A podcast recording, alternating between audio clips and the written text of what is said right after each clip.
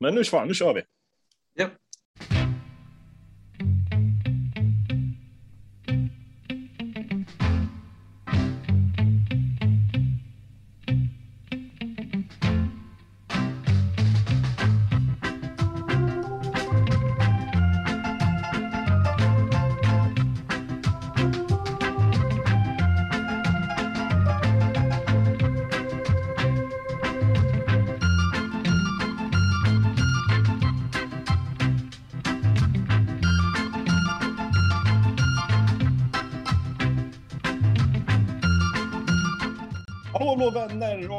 Välkomna till ett nytt avsnitt, alltså avsnitt 113 av CSS-podden. Den enda svenska Chelsea-podden skapad av och manövrerad av Chelsea Supporters Sweden.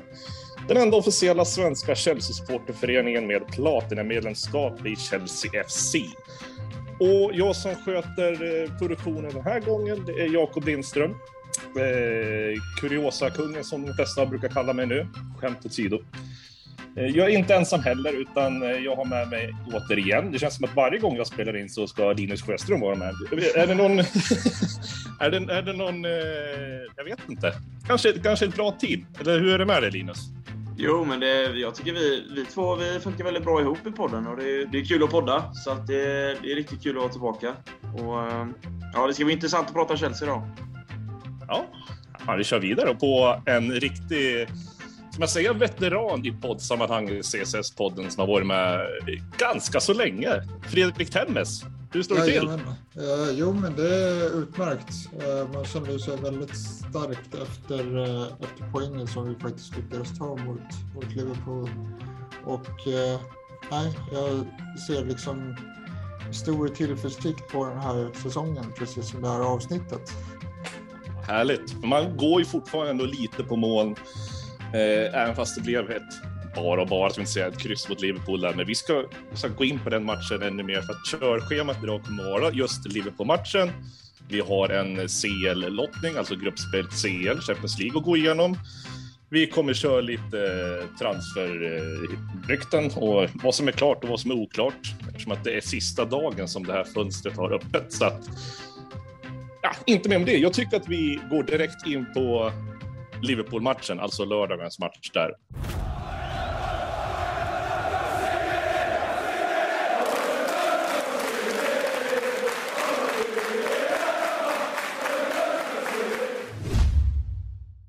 Och det var ju en tillställning som heter duga. Eller vad säger du Linus? Jo, alltså det var en otroligt rolig match och eh, det som förstörde det var ju givetvis det röda kortet som eh, kom i slutet på första halvlek och jag tyckte det var, det var en otrolig match. Och eh, det var ju bara att hålla med i studion även som de pratade om att det där röda kortet är, det är ju, man kan se från olika håll men från mitt egna perspektiv tycker jag inte det är rött kort och det röda kortet gör ju automatiskt att vi borta på Anfield mot Liverpool, det blir ju automatiskt att vi måste backa hem för deras otroligt offensiva pressspel och trycka på framåt. Det blir svårt, men så vi stod upp. Det var en otrolig prestation och jag tycker det defensiva arbetet var klockrent och tyvärr, det var inte så mycket att göra för Lukaku den här matchen, men eh, om vi summerar ihop 90 minuter så är jag väldigt stolt över den här poängen och det defensiva arbetet nu när Thiago Silva kommer in och Kovacic gör ett fantastiskt jobb i andra halvlek. Och, eh, nej, som sagt, man vet inte hur jag hade slutat med 11 mot 11 för jag tyckte vi verkligen var bra i matchen och hängde med tills just denna situationen. Så att, eh, det är lite tråkigt, men eh, vi och Anthony Taylor går inte riktigt ihop och eh, ja, jag behöver inte nämna vad jag tycker riktigt om den domaren, men eh, det är min summering av matchen. Nej, Anthony Taylor är ju sitt lilla esse där när han kommer mot oss i alla fall. Eh, Fredrik, vad hade du för tankar? De första tankarna som innan vi djupdyker ordentligt. Ja, nej, men eh, matchen började med, ju, med ett stort Liverpool-tryck i inledningen, men sen så tycker jag att vi hittar in i det och tar över. Och allt som allt så tycker jag att vi, vi, vi är det bättre laget i första halvlek, men sen kommer ju den där eh, otroligt märkliga situationen.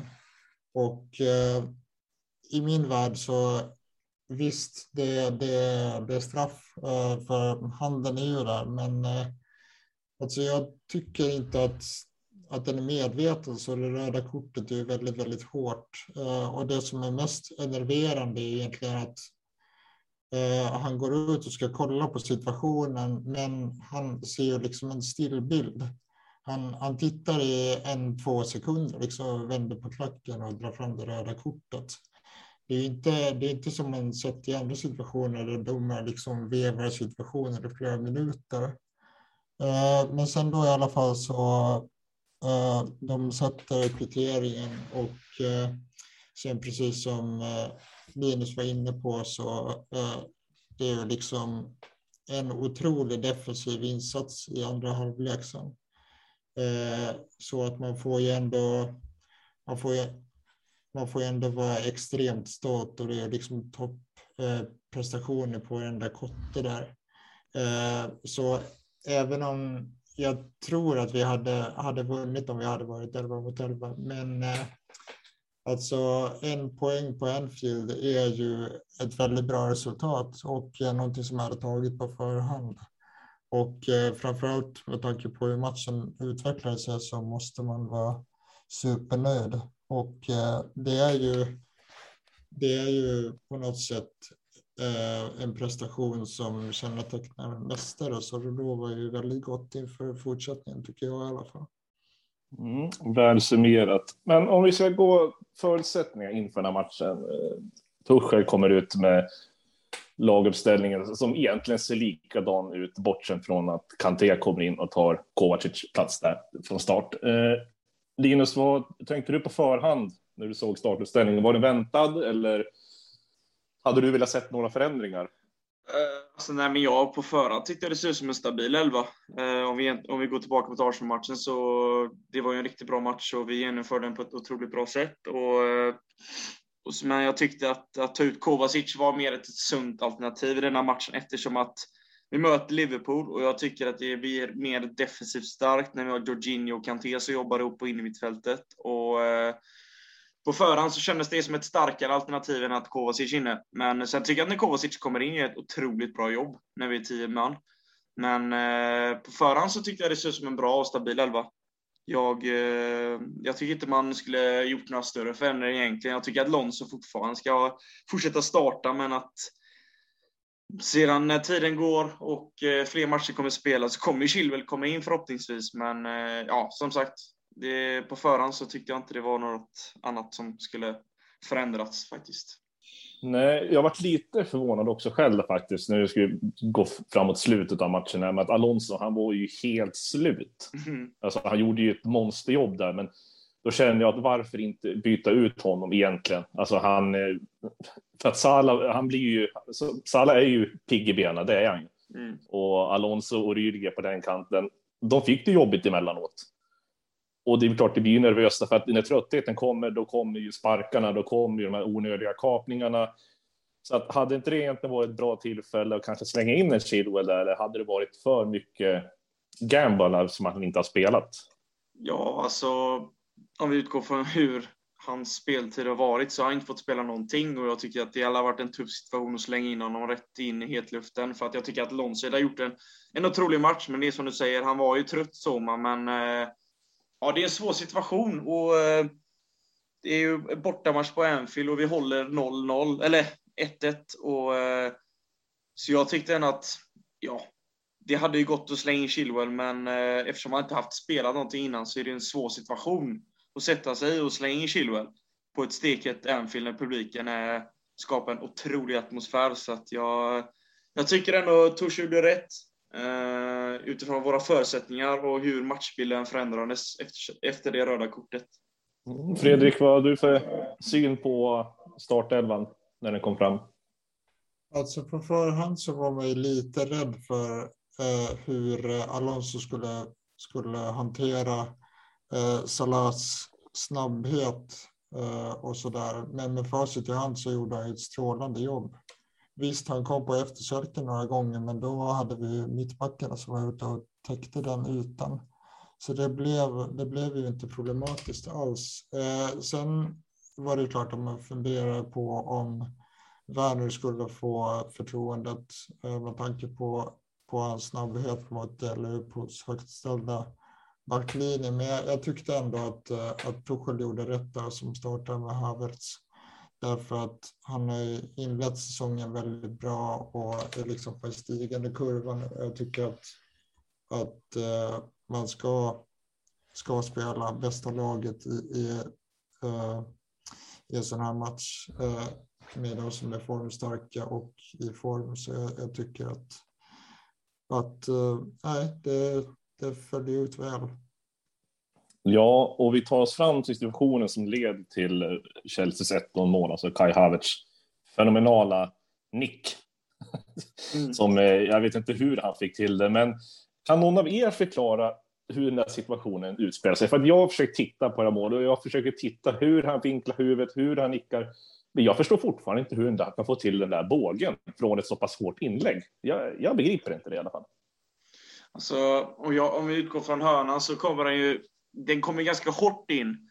Och Havertz kommer och möter bollen på ett sätt som att han, den bågen blir av kraften av hörnan som slås och han får egentligen bara, det är ju en ganska hård skarv men den får ju sån otrolig båge på bortre stolpen så att det är så svårt för målvakten att läsa av bollbanan så att det var en fantastisk nick och det är, det är ett svårt tekniskt nummer han utför och eh, det är bara otroligt gött att nu har jag äntligen Havertz nätat eh, så här tidigt på säsongen och att det är skönt att han får komma igång med poängskörden. Och man har ju sett de tidigare matcherna. Han, han har ju varit med i spelet och uppbyggnaden inför målen men inte fått några poäng. Så att, otroligt viktigt att han får komma igång nu. Ja, alltså få igång honom riktigt ordentligt nu så kommer det bli sjukt bra framåt. Men jag saknar fortfarande en liten Werner där. Och då är frågan Fredrik, kommer vi att få se en Werner snart som start spelare bredvid Havertz och bakom Lukaku? Eller är det som lite mer så att Werner kanske är börjar hamna mer och mer i skymundan, kanske till och med en eventuell frysboxplats? Nej, jag tror inte att vi behöver eh, leta efter honom bland fiskpinnarna. Eh, det tror jag inte. Eh, situationen är inte alls så alarmerande. Däremot så tror jag att han kommer att spela avsevärt mindre än vad han gjorde förra säsongen, vilket ju bara är sunt. Eh, sen så är det ju så att han passar ju, han passar ju bättre mot ett visst typ av motstånd. Eh, och då tänker jag mig att vi, vi kommer kanske få se honom mot, eh, mot City till exempel, som vi också ställer upp med en väldigt hög backlinje. Men det, det beror ju också på hur, eh, hur Havertz fortsätter prestera här. Eh, jag utgår från att från Mount alltjämt kommer, kommer starta de allra flesta matcherna. Så han, han duellerar egentligen med, med Havertz eh, därför att eh, Lukaku har också kommit in för att vara en startspelare. Så han kommer, han kommer få det tufft, men eh, jag tror inte att han kommer att han kommer sättas på läktaren och så. Han kommer säkert användas. Eh, vi spelar ju, spelar ju runt 60 matcher den här säsongen, så hela truppen kommer behöva användas. Så han kommer absolut att få sina minuter, det är jag säker på. Det är nog kanske bara bra att han får lite tyngre konkurrens också, eh, rent spelmässigt även för huvudet skulle jag tro i alla fall. Ja, Men... i, all, i alla fall att, att han slipper det här ansvaret att det är han som ska vara the main man och skyttekungen därför att det, det såg vi förra säsongen att det lyckades han inte hantera väl alls. Eh, så jag tror också att det är psykologiskt positivt att han får spela någon slags eh, supportroll nu eh, och liksom vara, vara den näst bästa målskytten kanske. Mm.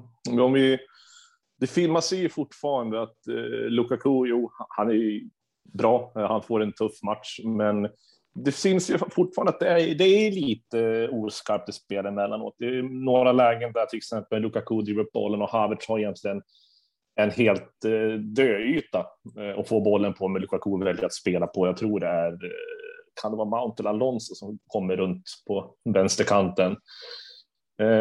Linus, vad tror du? Att, är det någonting som man kommer få se mer av eller är det här bara en inkörsperiod?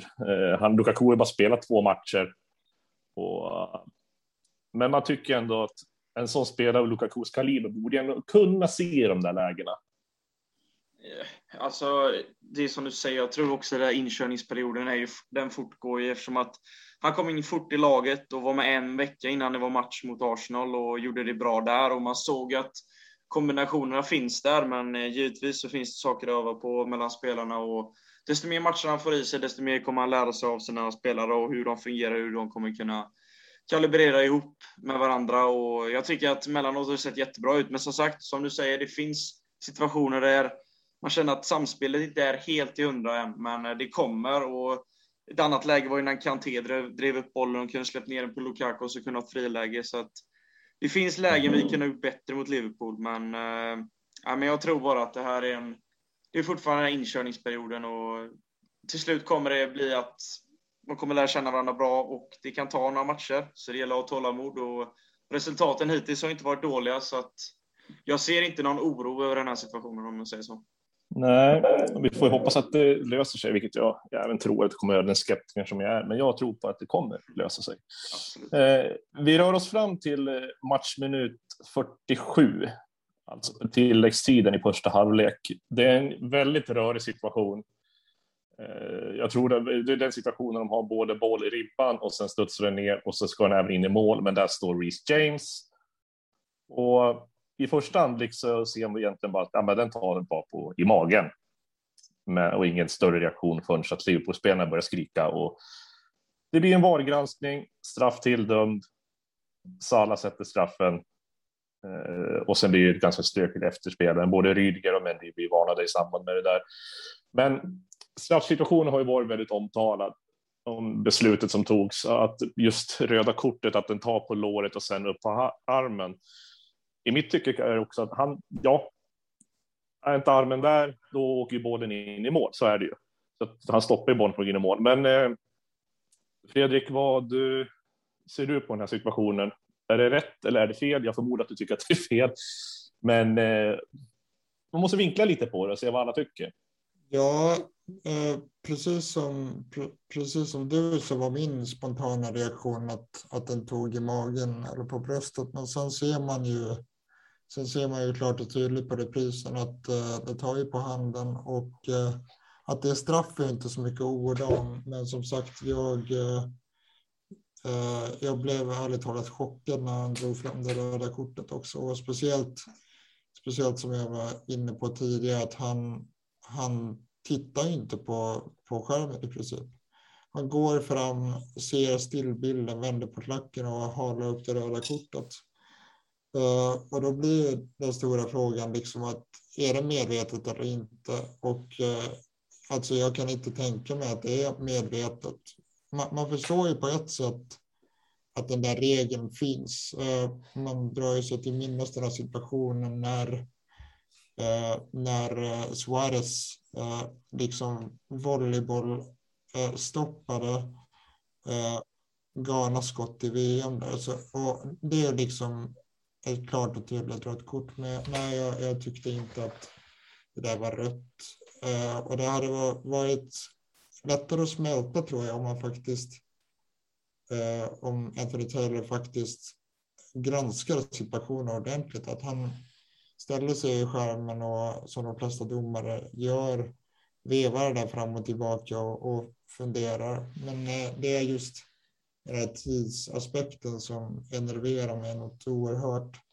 Sen att det är Anthony Taylor är ju liksom, det är ju bara parodiskt på något sätt. Det är inte, inte första gången han har haft väldigt tveksamma beslut på oss. Eh, jag tänker till exempel det här när, eh, när Kovacic stämplas i FA-cupfinalen mot Arsenal och han får ett gult kort som visas ut Eh, som gör honom utvisad och sen också den här sparken från eh, Harry Maguire på var det Zumas eh, ja, klockspel så att säga. Eh, så det är ju inte, inte första gången vi, vi ser något sånt här från honom. Så det spär ju på hela situationen. Men eh, summa summarum då efter en lång utläggning är väl att visst, det är straff, jag köper det, men rött kort eh, väldigt, väldigt hårt. Ja, men då är också frågan att han går ju ut och snabbt tittar på skärmen och dömer en straff för att förhindra mål med armen. Och på VAR så kan de ju inte döma gult kort. Så att då är beslutet, ska han döma straff utan något kort, alltså utan något rött kort? Eh, vilket också framstår som egentligen konstigt, för hade det varit på Liverpools sida, då hade ju vi absolut velat sett att det hade varit rött kort på Liverpool-försvaret. Och det här säger jag inte bara för att eh, jag ska på något sätt gynna Liverpool eller någonting, utan jag menar bara på att det gula kortet eh, hade varit mer lämpligt om nu Taylor hade sett det med egna ögon. Eh, så då är frågan, Linus, hade han, om, han hade, om Taylor hade sett det här med egna ögon, hade han då gett ett gult eller hade det kunnat bli ett rött direkt där? Eller tar han det här nu bara för att det var en situation så han kan se det väldigt snabbt? Eller vad tror du? Ja, det, är en, det är en svår fråga.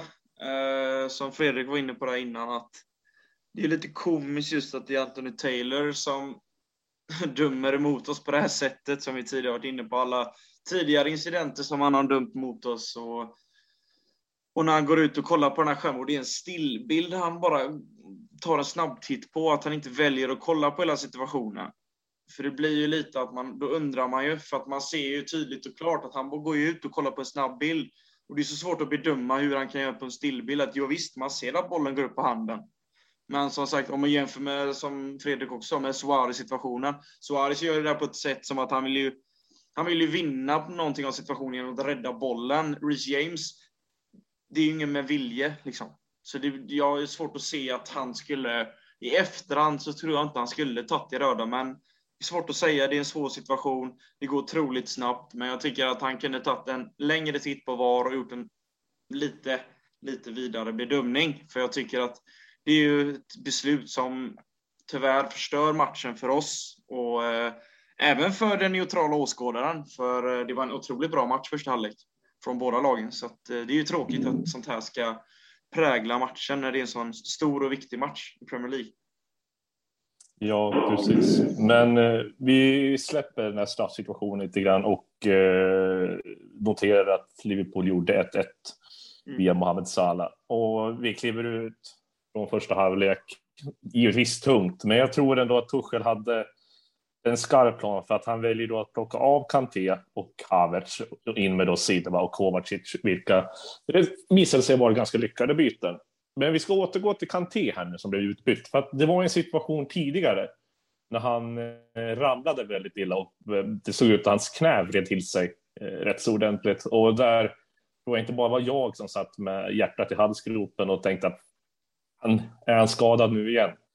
Kan det här bytet egentligen ha varit för att han kanske hade en känning? För jag ser egentligen inte varför han skulle plocka av Kanté i en sån här situation. Eller vad säger du Fredrik? Ja, nej, men det, det var nog en eh, säkerhetsåtgärd.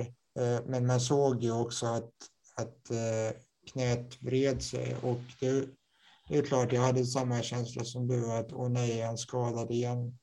Men eh, han eh, fullföljde ändå, ändå halvleken och sen tror jag att eh, Tuchel väljer att ta det säkra för det osäkra och eh, byter ut honom därför att vi, vi har ju inte råd med, eh, med en skadad eh, Conte. Eh, speciellt eftersom vi när, när matchen spelades eh, egentligen bara, bara hade tre eh, mittfältare och, eh, tillgå på den positionen. Nu ser vi ut att ha fått en fjärde, eh, vilket vi kommer in på senare. Men eh, nej, eh, jag tror att det var en säkerhetsåtgärd bara för att skydda, skydda honom. Och vi vet ju också att han, eh, man han har ju dragits med skador de, de senaste säsongerna så att det, det är bäst att ta det varligt med honom. Ja, och andra halvlek, vad ska vi säga egentligen? Vi var inne på det tidigare. Det är en gedigen försvarsinsats av hela laget. Vi har några lägen att komma till, men eh, mestadels handlar det om att försvara den här poängen som vi har. Och det är hårt tryck under resterande 45 minuter. Vi får verkligen slita. Och Chaloba får komma in mot Jorginho där i, tror i slutet på 80 minuter, 87 och sånt där, som han kommer in och får springa av lite grann. Där kan det också behövas att han ja, får upp tempot och fart lite grann igen. Men jag, jag känner så att andra halvlek, vi har inte så mycket att ta från där egentligen mot att det var en gedigen försvarsinsats, eller hur Linus? Nej, jag har inte så mycket mer att tillägga egentligen. Det var ju som man kunde förutspå i halvlek att detta kommer bli en otroligt tuff halvlek med 45 minuter rent av att bara kriga och försöka och hålla igen och hålla ner Liverpools offensiva spel och tryck som de har på Anfield när publiken är med dem och då är de otroligt jobbiga att spela mot. Och det är inte alla lag som klarar av att vara en man mindre i halvlek och hålla emot mot Liverpool så att det är en otroligt stark poäng vi tar med oss från Anfield. Då känner vi oss redo att eh, släppa den här matchen. Det är inte ofta man bara brukar prata om en halvlek i en match, men jag, egentligen så finns det inte så mycket mer nämnvärt, bortsett från att de gjorde ett fruktansvärt bra jobb. Eller vad säger ni? Ska vi gå vidare? Ja, det, det kan vi göra. Ja, ja då gör vi det.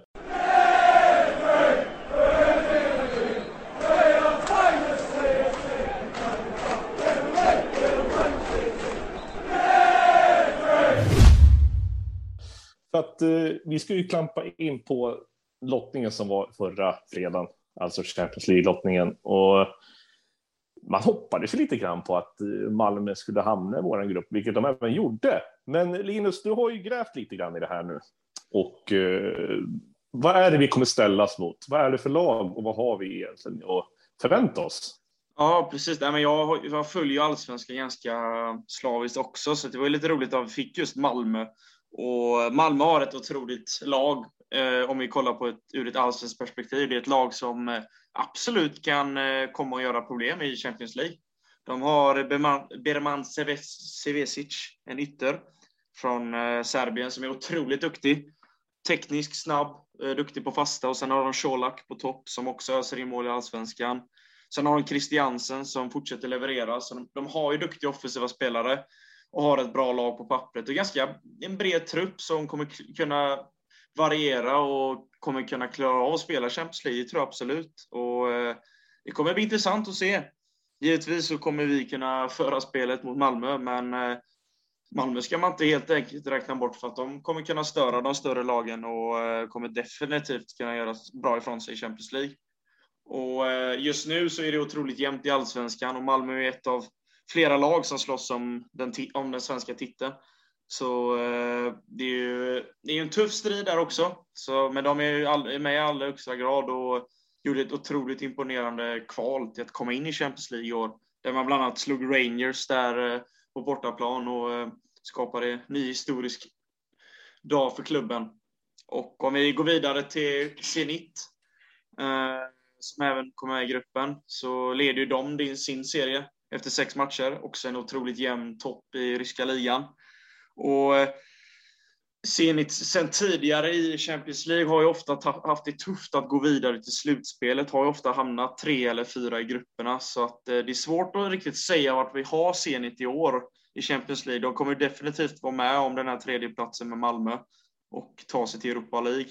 Så att eh, det är, det är ett tufft lag och det är tufft att åka till Ryssland, det vet man ju. Och det, är, det, är ingen, det är ingen lätt bortamatch om man säger så, så det kommer bli tufft. Eh, men jag tror vi är kapabla till att klara av den här gruppen på ett bra sätt.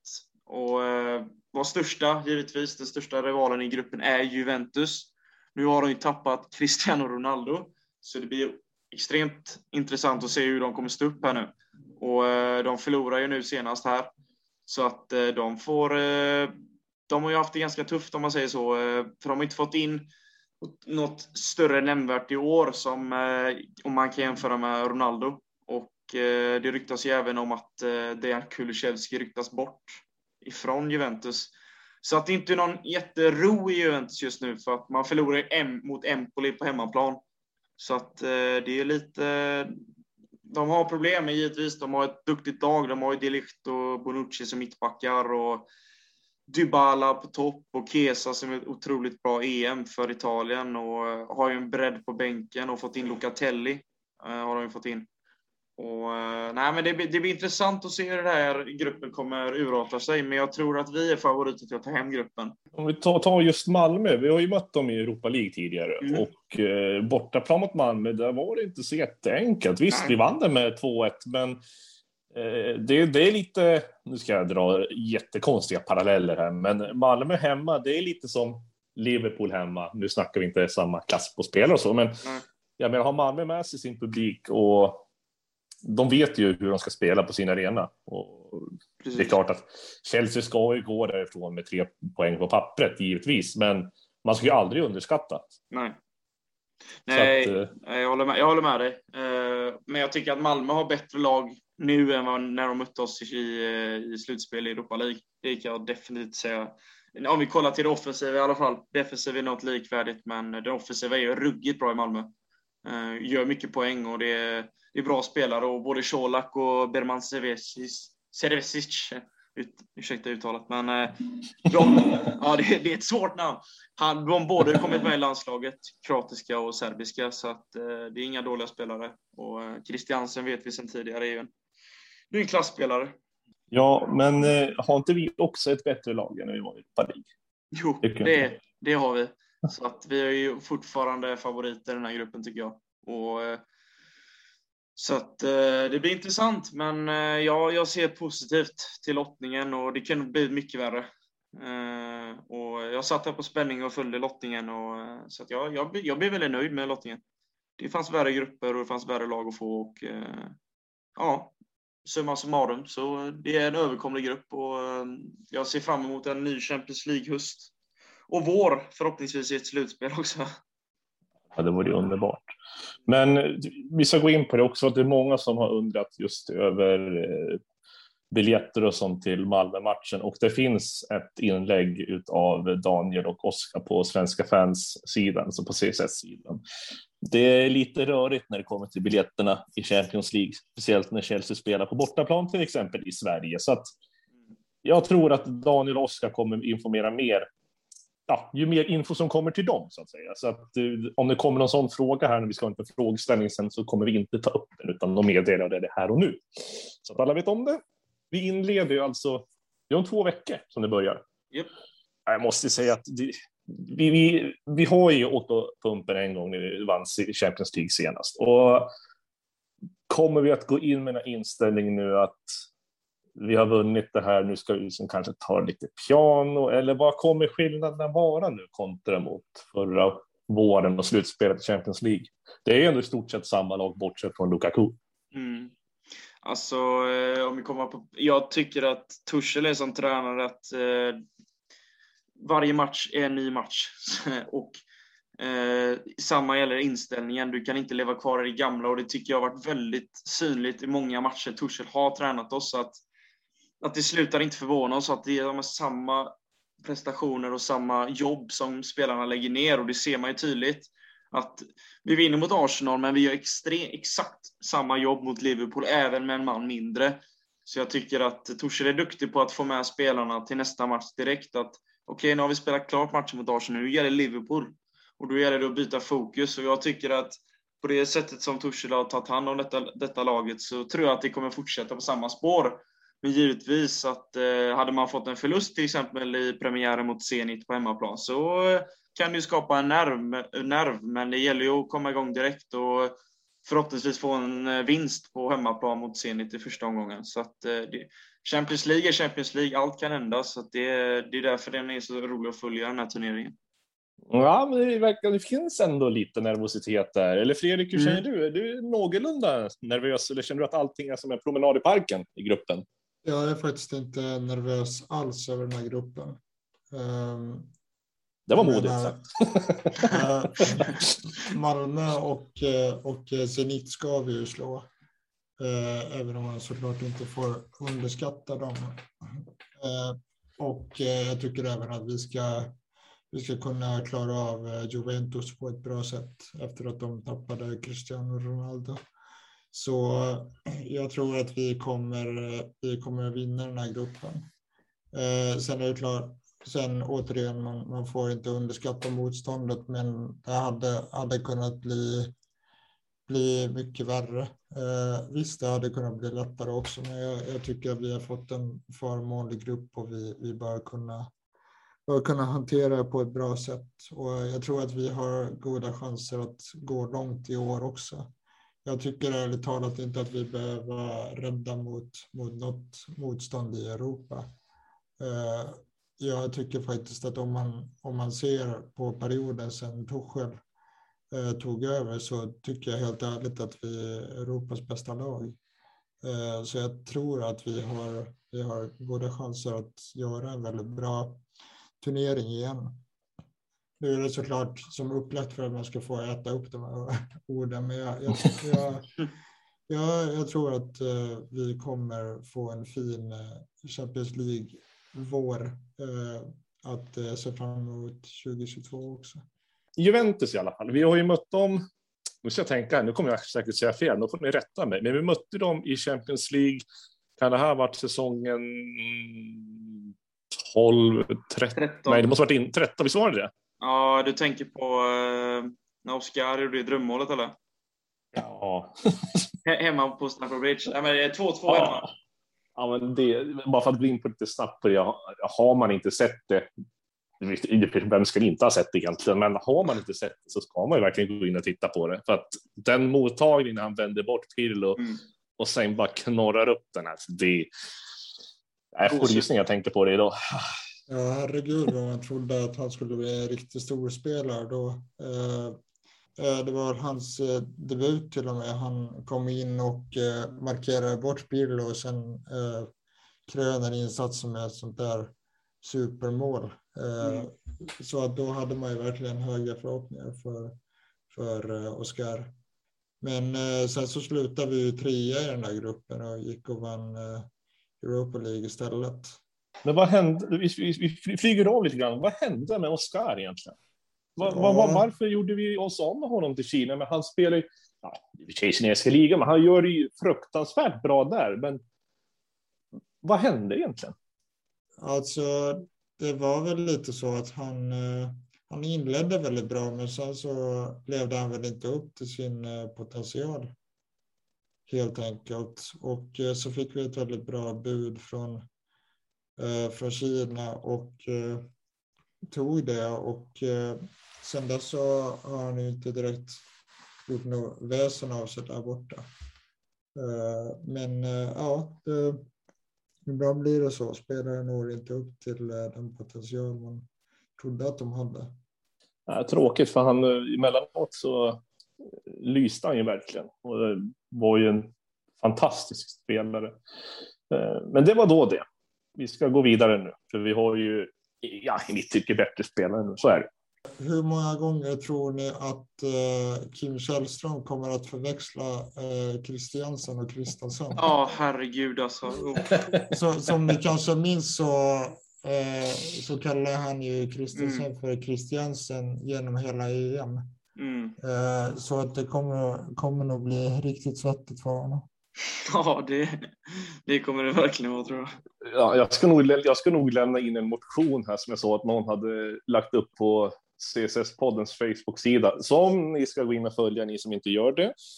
Uh, just det med Anthony Taylor, den var lite smålarvig kan jag tycka, för det var väl inte så mycket mer mot hans uh, prestationer, utan det var mer att han inte hade något hår på huvudet, som jag förstod det.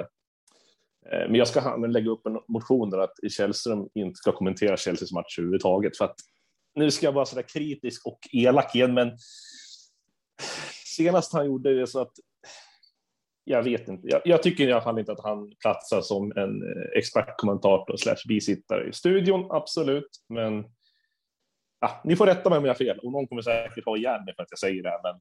Man, man tycker väl i alla fall att han ska kunna läsa eh, ett nordiskt namn rätt på pappret i alla fall. Det, det, Ja. Det, det, är ju inte att kräva för mycket. Men eh, nej, jag, jag, jag Eh, rankar inte honom särskilt högt eh, tyvärr. Nu är väldigt ny i sin roll så han kan ju säkert bli, bli bättre. Men alltså eh, det där med, med Kristensen och Christiansen, det, det får han ta rätta omgående. Jag, jag noterar också att han gjorde ju fel eh, i Supercupfinalen också.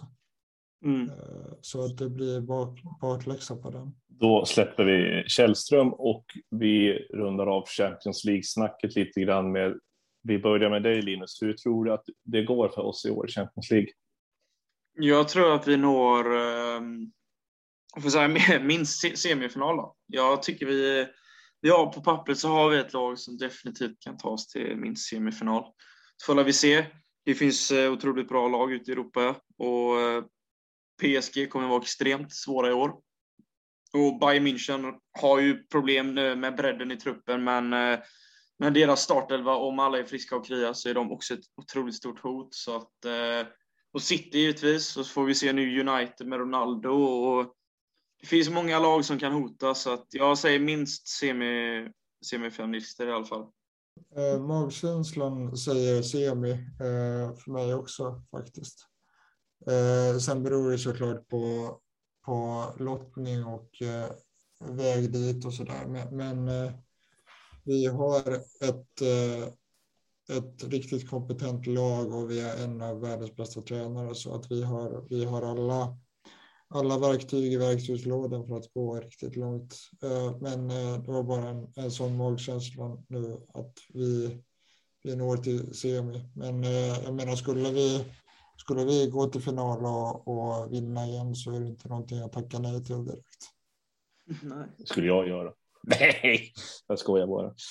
Nej, alltså, jag vill ju hålla hoppet uppe, även fast jag ska tjata om det igen, även fast jag är en skeptiker. Så jag tror ändå att vi kommer ta det till final i år.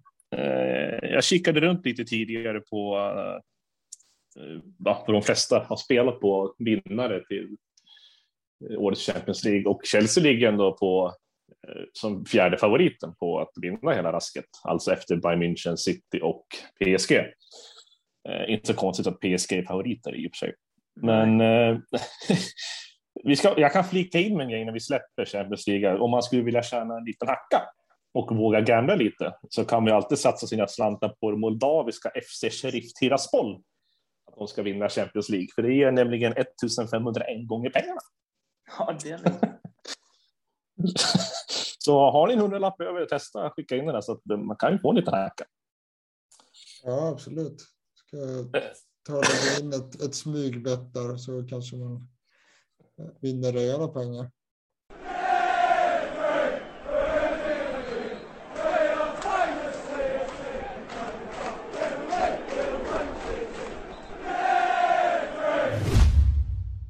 Vi lämnar Champions League och vi traskar över på alltså deadline day, transferfönstrets sista dag.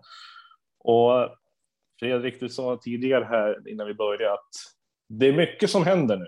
Och eh, vad är det som händer? Ska vi, var ska vi börja någonstans? Ska vi börja ut, in, eh, rykten? Var börjar vi? Du, take it. Uh, ja, jag tänkte att ska vi inte göra en liten roundup av uh, vad som har hänt uh, sen, sen förra avsnittet, för det har hänt en, en hel del eh, grejer mm. faktiskt. Eh, det största som har hänt är ju eh, Kursumas övergång till, eh, till West Ham som blev klar efter en lång period av rykten med, med flera eh, klubbar inblandade. Men till slut så var det alltså West Ham som tog honom och summan varierar lite beroende på vem man lyssnar på. Men eh, Fabrizio Romano rapporterar 30 miljoner euro och Matt Law eh, 28,8 miljoner pund. Eh, så det rör väl sig i de regionerna ungefär. Så att eh, La Soumons är eh, över tyvärr. Eh, och då har man ju blandade känslor eh, inför. Det, det, kan vi kanske återkomma till. Men eh, sen så har även eh, Ike Ogbo blivit klar för eh, skänk för 4 miljoner pund. Eh, vi har även Tammy Abraham som har gått till Roma för 40 miljoner euro och vi har en buyback eh, på 80 miljoner ungefär. Och han har inlett väldigt bra där. Han har redan, redan stått för två assist och eh, ett mål på två matcher så att det ser spännande ut i, i Roma. Eh, sen så har vi tack och lov eh, fått iväg eh, Timo Bakayoko på ett eh, tvåårigt lån till Milan. Eh, vi har fått iväg eh, Kennedy till eh, Flamengo. Eh, Emerson har, har gått på lån till Lyon och eh, eh, Batshuayi har hamnat i Besiktas. Men det som kanske är mest otroligt är att vi har vi har även lyckats pracka på Redding, eh, Baba Rahman och inte minst eh, allas vår Danny Drinkwater Så att man ser hur de, hur de två kommer att lyfta Reading till nya höjder i Championship eh, nästa säsong, eller, eller inte. Ja, jag har en grej jag kan flika in där förresten. Det finns ju ett väldigt kärt eh, Sagt, jag sa att det inte skulle bli någon kuriosa idag, men nu slog det mig bara. För att Chelsea Reading har ju en ganska lång historia eh, spelare emellan. Eh, ta till exempel Kerry Dixon, en, en riktig Chelsea-legend. Var tror ni han kom ifrån? Reading. Ja, precis. eh, det var han jag kom på nu, men vi har ju sagt ett helt gäng klassiska spelare som har gått Reading, Chelsea och även Chelsea Reading, så att det finns en liten eh, skön koppling där. Så att de, de nu får våra stjärnspelare Drinkwater och Babaraman, kan det tyda ett mittenfinger till Reading eller är det bara att Reading vill eh, ja, säkra upp sig lite grann? För jag vet inte vad de säkrar på egentligen. Eller? Nej, eh, men eh, sist men inte minst så har vi också legenden Steve Sidwell, eh, Chelseas number nine som kommer. Ja, också, mm. just. Han var inne och snurrade ett tag. Eh, så att det var också ett riktigt tillskott vi fick därifrån. Eh, kanske inte riktigt jämförbar med, med Kerry Dixon, men, det, det, är ett namn. Kan vi, kan vi lämna det är ett namn, ja. Eh, men om man, om man då återvänder till, till transfersommaren och går till just den här transfer deadline day så har det, har det varit full rulle kan man säga. Durjon Sterling eh, gick på lån eh, ganska, ganska tidigt idag och även eh, 19-åringen eh, Tierne eh, till eh, Rapid Wien. Och eh, på infronten så är det enbart handlat om eh, Jules Condé från eh, Sevilla och eh, Saul från eh, Atletico på sistone. Och om man börjar med, med Condé då så eh, trodde sig Chelsea i veckan ha en muntlig överenskommelse med eh, Sevilla och eh, Condé stod över Sevillas match mot eh, Elche i, i helgen och eh, flög istället till Frankrike. Men plötsligt så höjde Sevilla priset med ungefär 15 miljoner euro. Och sen på en presskonferens idag så konstaterar Monchi att det utköpsklausulen på 80 miljoner euro som gäller eh, om det ska bli någon affär. Och det ser inte ut att hända. Eh, vi har fått det bekräftat nu från, eh, från Fabrizio Romano för några minuter sedan att eh, Jules Condé deal between Chelsea and Sevilla is now off. No agreement, no intention to negotiate and no clause matches. Eh, så det, det gick i stöpet helt enkelt. Då är frågan, gjorde Chelsea bort sig där nu med tanke på att de var så sega på iväg Zuma och Sevilla i sin tur valde att uh, dra ut på det här för att de, ska de släppa en mittback så här nu sista dagen och hinna få in en ny, det är klart, då måste de ju ta utlöst betalt för personen också. Så är det ju. Så att jag ser egentligen inte att Sevilla gör något fel som höjer priset. Alltså, det, det är ju väldigt konstigt att, att, man, eh, att man har en muntlig överenskommelse och sen ändrar priset. Men, men såklart, alltså, du har ju en poäng med det du säger att när eh, Chelsea väl lägger ett, ett bud så pass sent. Eh, det kom först i fredags faktiskt. Trots att man har förhandlat och haft det klart med med kontrakt och sådär för, för Kondé så pass länge så visst, vi, vi får väl skylla oss, oss lite själva där eh, på sätt och vis. Eh, jag har ju mina reservationer mot, mot eh, Kondé. Det kan vi återkomma till någon annan gång. Eh, sen tycker jag också att det är lite problematiskt nu att vi eh, och det kan jag tycka var riktigt klantigt att vi, att vi släppte Zuma eh, innan vi hade, hade klart med, med Kondé. Därför att nu, nu är vi en, en gubbe kort där. Eh, jag är av den, av den åsikten att, att man ska ha två gubbar på, på varje plats och det, det har vi inte nu, även om vi har lite spelare som kan gå in och vikariera där såklart. Eh, men ja, vi ser ut att, att bli utan Jules Condé i alla fall. Vi får se om vi återkommer till det där i januari möjligtvis. Har du ja, diskuterat lite om? Vi är inte jättestarka på alltså, mittbacksfronten. Vi har Silva, Rydiger, det är klart eh, Kristensen och sen kan ju även Aspi vikariera som mittback om det krisar. Och möjligtvis en Chaloba också, men som jag inte tycker man ska tynga för mycket ansvar på än. Och Silva vet vi, han eh, Premier League har varit tufft för honom. Han har gjort det jättebra, men eh, det smäller lite mer på han där vad det gjorde i eh, franska ligan och i Serie A. Och eh, han är ju i åldern, kommer lite grann också. Eh, och vi behöver ju ha ett starkt alternativ. Jag visste att eh, Christensen har gjort det bra, men vi alla vet ju hur han kan fungera också. Det kan vara när han är bra, då är han jättebra och sen kan han ha sina downs och då är han eh, inte lika bra. Så det skulle varit skönt att ha haft någon mer där som vi vet eh, kan backa upp. Jag, jag, tänker nu just mot en eh, skadad Silva. Då är det skönt att kanske kunna haft en Kondé och sätta bredvid Rydiger där. Eh, jag kan också vara fel ute på det här. Så att, eh, ni får jättegärna rätta mig om jag är ute och cyklar alldeles för mycket. Men det är vad jag tycker sen i alla fall. Eh, Ja, eh, den här säsongen så tycker jag inte vi har några problem alls eh, med eh, mittbacksbesättningen. Eh, Rydiger har ju spelat som, som i trans sen Tuchel kom in och jag, jag är en av de få som alltid har hållit Christensen väldigt, väldigt högt och även han håller absolut världsklass nu och eh, ser ut att utvecklas precis eh, med den spikraka kurva som jag trodde.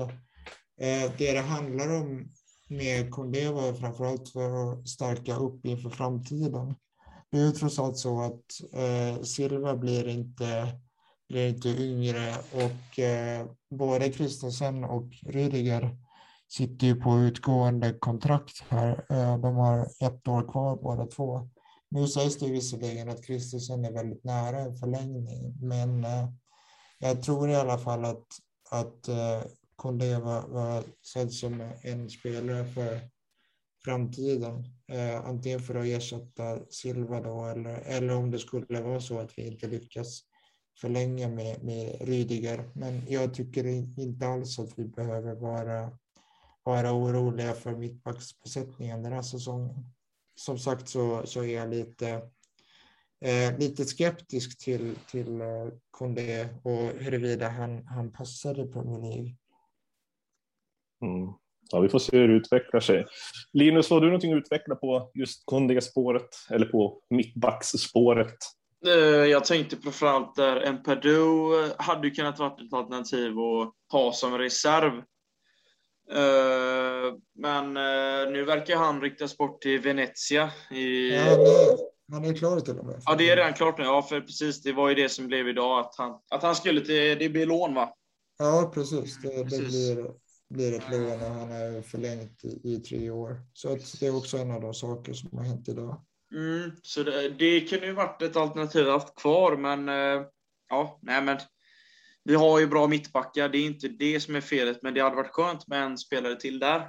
Eh, så får vi se nu om eh, Zaul också kommer in under kvällen här nu. Det verkar ju som att klubbarna ska vara överens om ett inlåning och alternativt att Chelsea ska kunna köpa loss honom om de är nöjda med honom efter säsongen. Precis. Mm. Eh, jag tänkte ta det också att med, med Saul så har det ju varit eh, lika många turer som med, med Condé. Eh, först så sades det att eh, Chelsea ville låna in honom med en köpoption medan Atletico ville ha ett lån med ett tvingande köp. Och eh, ena dagen så ryktades om att han fick lämna och andra dagen om att han skulle stanna. Och Simeone uttalade sig svävande efter Atleticos senaste match. Eh, och i morse så rapporterade Jacob Steinberg på eh, The Guardian att eh, Chelseas hopp eh, om att värva honom var ute och Fabrizio Romano eh, backade upp honom och sa att eh, transfern hade varit blockerad sedan igår kväll. Eh, men lite senare under dagen så uppgav trovärdiga Matt Law att dealen inte var helt död. Och eh, sen eh, under kvällen här så svängde det från att eh, Chelsea är försiktigt optimistiska och sen sipprar ut uppgifter om att eh, det hade skett ett genombrott i förhandlingarna eh, enligt Daily Mail och ungefär en timme här innan vi, innan vi gick och spelade in så, så gick Fabrizio Romano ut med sitt Here We Go. Och även om det inte har blivit 100 procent bekräftat av klubben än vad jag har sett så, så räknar man ju hem den när, när eh, Romano väl kör sitt Here We Go. Så att uh, honom kan vi räkna in och vi, vi, har, vi har nu fyra högklassiga centrala mittfältare väldigt spännande att följa här hur det kommer te sig. Men i det stora hela då, så då är det just på infronten inte mycket mer än Saul som beräknas komma in. Mm. Sen har det däremot eh, skett lite saker på utfronten då. Eh, det blir spännande. Ja, eh, under dagen här så ryktades det om ett lån till eh, Borussia Dortmund för eh, Callum Hudson-Odoi. Eh, men eh, det ser inte ut att bli något av det heller, vilket jag, vilket jag personligen tycker är väldigt positivt. Som sagt så ska vi, ska vi spela 60 matcher den här säsongen och då behöver vi all, all bredd vi kan, vi kan få i, i truppen. Så jag, jag, ser, jag, jag ser det trots allt som positivt att, att han stannar. Eh, vad som däremot har hänt är att eh, Tino Angerin i det närmaste är klar för Lokomotiv Moskva på ett lån med köpoption på 17 miljoner pund och återköpsklausul på 40 miljoner euro. Och det, det, kan mycket väl vara så att det är bekräftat av, av klubben också när, eh, när ni lyssnar på det här. Eh, däremot så eh, Ruben Loftus-Cheek ser ut att, att eh, stanna, eh, vad jag har sett under dagen i alla fall. Och det är flera trovärdiga källor som har sagt, eh, sagt samma sak. Eh, så att jag tror att, att vi får ytterligare ett mittfältsalternativ där. Eh, men den stora frågan är ju då eh, vad som händer med eh, spelare som Lewis Baker, Ross Barkley och Malang Sarr. Malang Sarr hade ett, ett lån på gång till Greuter Greuther Fürth i Bundesliga, men det, det har gått i stöpet så jag tror inte att det blev något av det. Så att vi får se vad de sista timmarna har att ge när det gäller honom. Eh, däremot så har ju eh, Ethan Ampadu som Linus var inne på tidigare blivit klar för eh, Venezia på, på ett lån. Då. Och eh, vi kan ju också bara lägga till att en spelare som eh, eh, Chouamini, som var ett, ett väldigt eh, hett namn tidigare under fönstret, inte alls har omgärdats av några rykten. Så att eh, vi, vi har helt enkelt riktat in oss på Sol idag och eh, det mesta ser ut eh, mesta talar för att vi kommer få honom. Så han blir vår vår tredje värvning då under det här fönstret. Men just också att Sol är ett lån. Det är inte alls ofta som eh, Chelsea tar in en spelare på ett lån. Eh, vilket är väldigt spännande. Nu är det ju lån med köpoption, men varför tror ni att det är som att man eh, väljer att ta in en spelare på lån? För de måste ju veta vad Sol går för och jag vet att han är en bra spelare. Det kan vara lite småful emellanåt och det är alltid sånt som uppskattas att se. Tycker jag i alla fall. Men eh, ett lån alltså. Vad tjänar ja. vi på det? Visst, gör han inte bra ifrån sig, då behöver vi inte vara kvar med spelarna. Men eh, är det ett genidrag eller? Ja. Ja, ja, jag tycker i alla fall att det är en helt optimal lösning. Eh, därför att vi får in ett eh, ett riktigt kvalitativt eh, fjärde alternativ på, på mittfältet, eh, vilket vi, vi behövde med tanke på skadesituation och sådär. Eh, så att vi täcker det behov vi har idag. Men eh, eh, samtidigt då så kan vi ju utvärdera hur det går för, för Billy Gilmores utveckling i Norwich. Och eh, vi, vi kan även se hur det går med eh, prisutvecklingen för Declan Rice som ju klubben har varit väldigt intresserad av. Och eh, ja, alltså blir det ingen succé med Saul så lämnar vi tillbaka honom.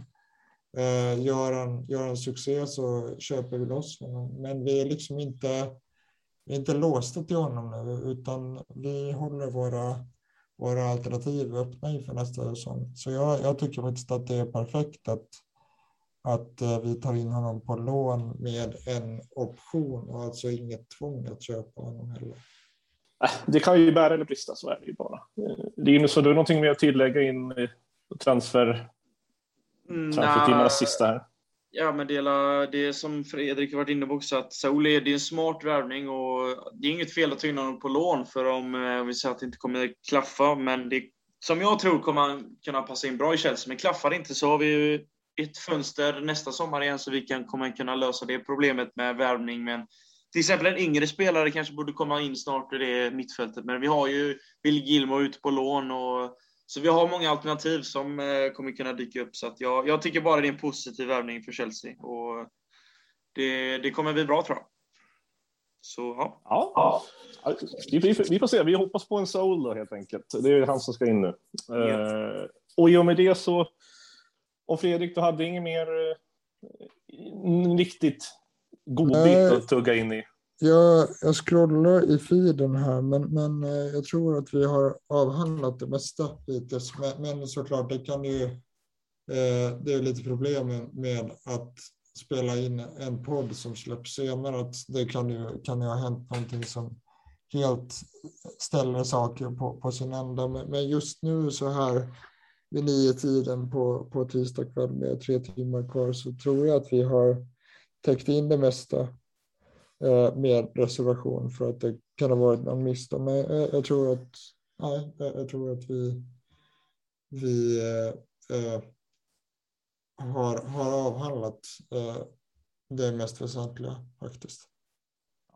Nej, vi får se till att till eh, kanske januarifönstret där om eh, restriktioner tillåter få köra en liten livepodd på en eh, stängningsdag. Det hade varit väldigt ja, spännande att göra. Det var grymt. Ja, precis. Vi får satsa på det till januarifönstret kanske.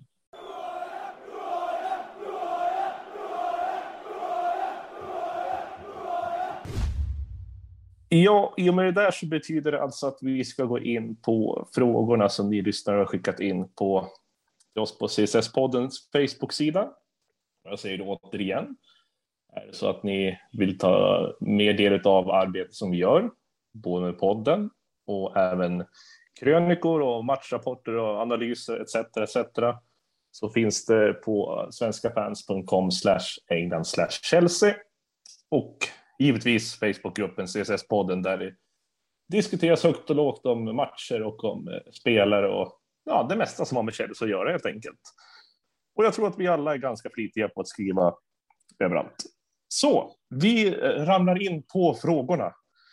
Och det här ska vi sålla lite grann för att det har kommit in lite frågor nu, mycket som vi har gått igenom. Eh, dels med James röda kort, Hudson och Doy.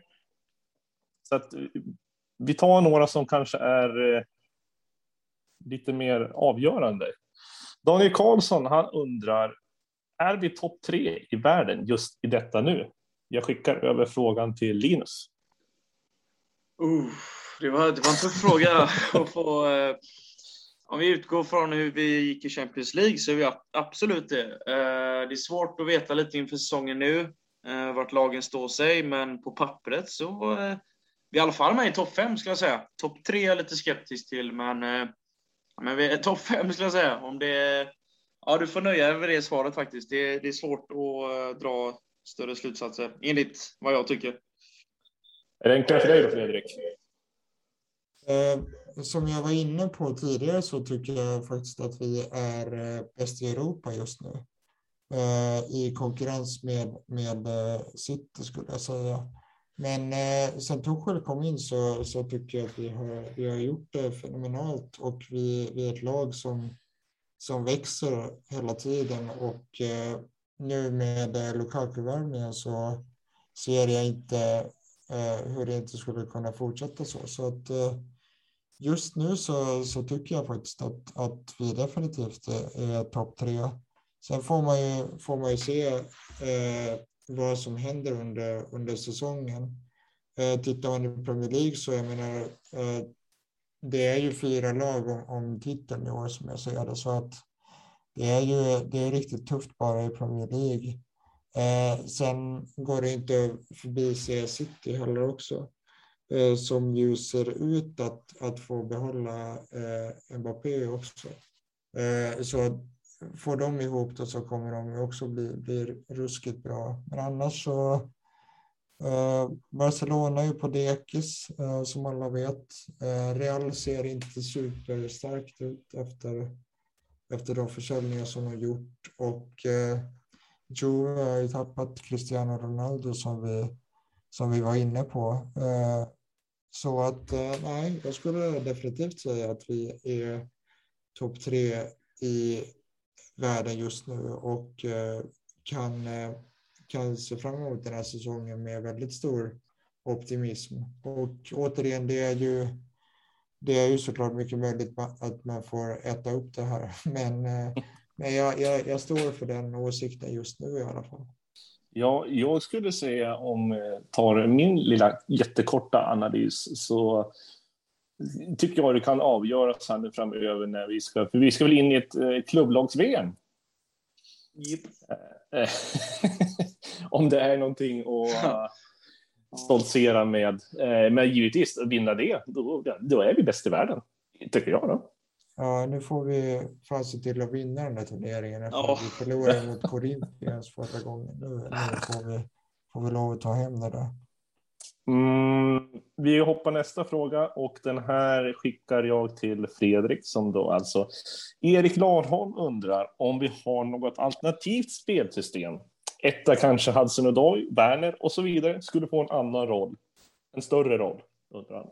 Det är ju det har inte varit så mycket som tyder på att vi har ett annat spelsystem, men jag, jag tror faktiskt att eh, att eh, Tuchel har, har jobbat på, på någonting på försäsongen. Eh, och ser man, ser man på honom historiskt så är han en väldigt taktisk, eh, taktiskt flexibel eh, manager. Så jag tror att eh, nu verkar vi i och för sig bygga truppen som så att vi håller oss till, till eh, vår eh, eh 3-4-1-2 eh, primärt. Men, men jag, jag tror definitivt att vi i olika scenarion och olika skeden av säsongen och även beroende på matchbild och så där så tror jag att vi, vi kan få se en, en 4-3-3 eller 4-2-3-1. Eh, och det, det ger ju som sagt andra, eh, ger ju spelare lite, lite olika roller och så där. Och sen kan man ju också se det så att om, eh, om eh, Hudson Odoi spelar spelar höger wingback så trycker jag nästan upp som en, som en eh, höger winger i alla fall så att det blir liksom en 4-2-3-1 i, i, i praktiken. Men eh, summa summarum så ja, jag tror att vi, att vi kommer få se en del eh, flexibilitet under säsongen, även om jag tror att vi, att vi primärt kommer att hålla oss till, till information och det spelsätt som har burit oss hela vägen till eh, Champions League-titeln. Jag menar, eh, ja alltså om det inte är trasigt så lagar man det inte. Mm. Och just med Callum Hudson-Odoi, vi kan ta den. Linus, du kanske kan då eh, svara på Erik Jakobssons fråga just med hans framtid i Chelsea. Det förmodar att han inte går någonstans nu på lån. Eh, och, men kommer man någonsin att blomma ut och bli den världsspelare man trodde? Det undrar Erik. Det är, det, är en svår, det är en svår fråga, för nu har det varit otroligt många säsonger han har varit lovande och man har bara väntat på att han ska ta det här nästa steget hela tiden. Och jag skulle lätt kunnat sätta en utlåning nu under det här fönstret, men det kändes som att den frågan kom väldigt sent på tal. Och nu står vi i en situation där han kommer vara kvar och kommer få kämpa eh, som tusan för att få spela, men eh, om, han kommer givetvis få chanser. Det är både ligacup och eh, Champions League och vi har FA-cupen och vi har ju flera turneringar vi kommer delta i år, så han kommer ju få, han kommer få speltid, men det kommer inte vara många chanser. Men han, det gäller att steppa upp för honom nu, för nu eh, börjar det bli, bli, bli svårare och svårare för varje säsong som går. Och, nu är det dags att visa att man vill vara med i den här truppen, annars så blir det svårt faktiskt eh, i mina ögon att han ska mm. ha en framtid i Chelsea. Mm. Jag är med på vad du säger. Mm. Eh, vi ska ta två får frågor till. Får jag komma in med, med ett inlägg där bara? Det får du absolut göra. Eh, jag har faktiskt slagits för honom eh, på Twitter idag. Eh, jag, jag har drivit den tesen att vi har, vi har misshandlat honom nu eh, väldigt länge. Eh, jag tycker inte att han har fått tillräckligt med, med chanser sett till, till sin potential och eh, för mig så handlar det om, om kontinuerlig speltid. För jag är säker på att om han bara får, får liksom ett, ett kontinuerligt förtroende och då gärna, då gärna om, om han skulle eh, få spela på, på den position där han är bäst, eh, vilket där är någon slags vänster inside forward så eh, skulle han få kontinuerligt förtroende där så, så är jag säker på att han skulle explodera. Och eh, jag ser också det att nu är jag glad över att han stannar, men hade han gått till, till Dortmund så tror jag faktiskt att han hade kunnat få en Sancho-lik utveckling där. Eh, jag tror, jag tror väldigt, väldigt eh, mycket på honom, men då handlar det också om att han, eh, att han får speltid nu. Och eh, som vi varit inne på så konkurrensen är, är väldigt, väldigt tuff. Men eh, jag tror att Tuchel har ett gott öga till honom och jag hoppas bara att, att det vänder på, eh, på den här avsaknaden av speltid nu. Därför att får han förtroende så kommer den utvecklingen att gå fort, eh, tror och hoppas jag. Men eh, ja, som det sett ut hittills så är jag lite orolig. Men jag, jag tror, tror väldigt mycket på, på Callum. Ja, ja. Mm. Vi får hoppas att det går vägen för vår kära Callum någon gång. Eh, annars hade jag personligen sett att vi kanske inte hade gjort någon större förlustaffär om vi eh, skulle ha sålt honom här för några säsonger sedan när Bayern München var intresserade av honom. Men det är bara mitt tycke. Eh, vi, ja, men vi, slänger in, vi slänger in en sista fråga. Den här är ganska lång, så att nu... Det här kommer bli lite en tärningskastare och vem som hinner svara först på det här. Att jag vet inte vem jag ska delegera till nämligen. Eh, Filip Bergenblad undrar, eller han skriver följande. Chelsea är kanske det lag i hela ligan som drabbas hårdast, situationstecken då, av att man gått tillbaka från fem till tre byten med tanke på all den kvalitet vi har outnyttjad på bänken efter varje match. Personligen känns det absurt att PL valt att, alltså Premier League, valt att gå den vägen nu. Uefa och samtliga konkurrerande toppligor i Europa tillåter fem byten. Tror ni detta kan komma att ändras inom en snar framtid och håller ni med om att det är absurt? Eh, så nu kastar jag tärningen och den rullar på Linus. Alltså, hänger du med? Ja, jag, jag hängde med i frågan, absolut gjorde jag. Det, och jag tyckte när, när det var fem byten så visst, det var ju, det var ju absolut eh, bra. Men eh, det är en svår fråga. Alltså, jag, jag ser inga större nackdelar med att ha fem byten eller tre. Att kunna ha fem eh, byten är ju ett större alternativ till att kunna ha mer speltid och mer ruljans på spelarna. Så det är, tekniskt sett så finns det inte mycket negativt att kunna byta ut fem spelare och få in fem nya. Men eh, är som sagt, jag vet inte om det här kommer genomföras eller inte. Jag har inte riktigt läst på om den här frågan på det sättet. Men under corona där efter eh, uppehållet var slut där eh, så tyckte jag det funkar jättebra med att ha fem byten och att det skulle ske vid max vid tre tillfällen om inte jag har fel va? Ja, precis. Ja, precis. Så det inte blir någon slags eh, fördel av det om man vill sega ner tiden eller så. Men eh, ja, absolut. Jag kan jättegärna se att det får ske fem byten regelbundet. Men jag är inte som sagt, jag är inte så insatt, insatt i frågan, så jag vet inte vart de står i diskussionen. Men absolut. Nej. Fredrik, en sista replik. Uh, jo, men jag, jag tycker att det, att det är absurt faktiskt. Jag, jag, ser inte, jag ser inte varför man, man inte skulle gå till fem byten som i de andra ligorna. Och uh, uh, om jag inte minns, minns eh, fel så var det väl till och med på tal under, under förra, förra säsongen att, att, eh, att det skulle bli så. Eh, och de andra ligorna får ju en får en konkurrensfördel av det skulle jag säga. Så jag tycker, jag, jag, tycker i alla fall att vi bör införa fem byten. Sen får vi se hur det, hur det blir med det. Men eh, Tuchel har en väldigt klar åsikt i alla fall om att, om att vi, vi bör eh, införa fem byten även i Premier League. Och jag håller med honom där.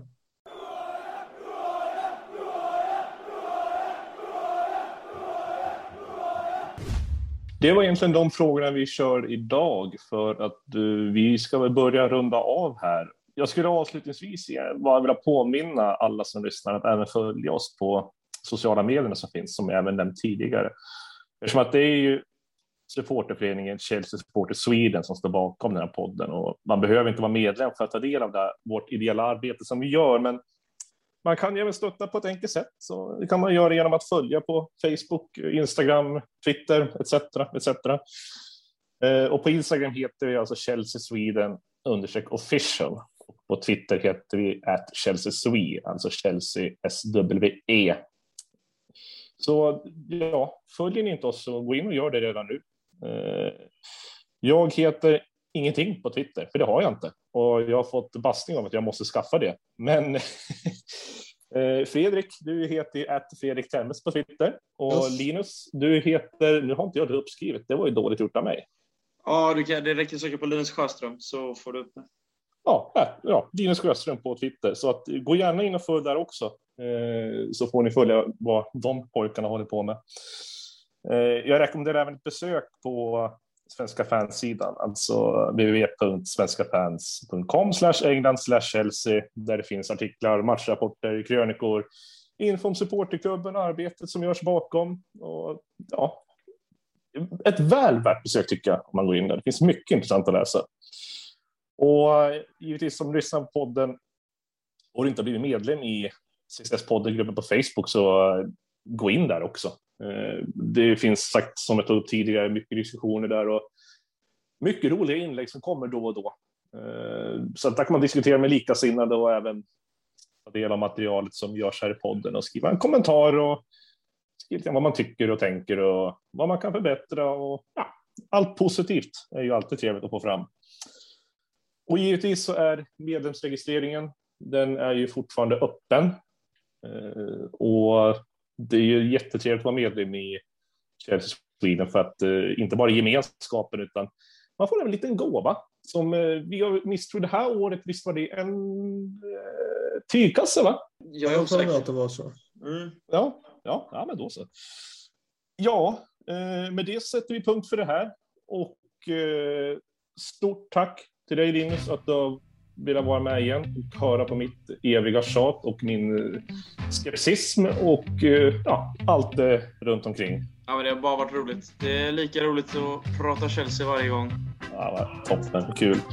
Och Fredrik, tack för en bra dialog och tack för att du djupdök ordentligt i transferryktena och redde ut det mesta. Eh, det var kul att vara tillbaka igen.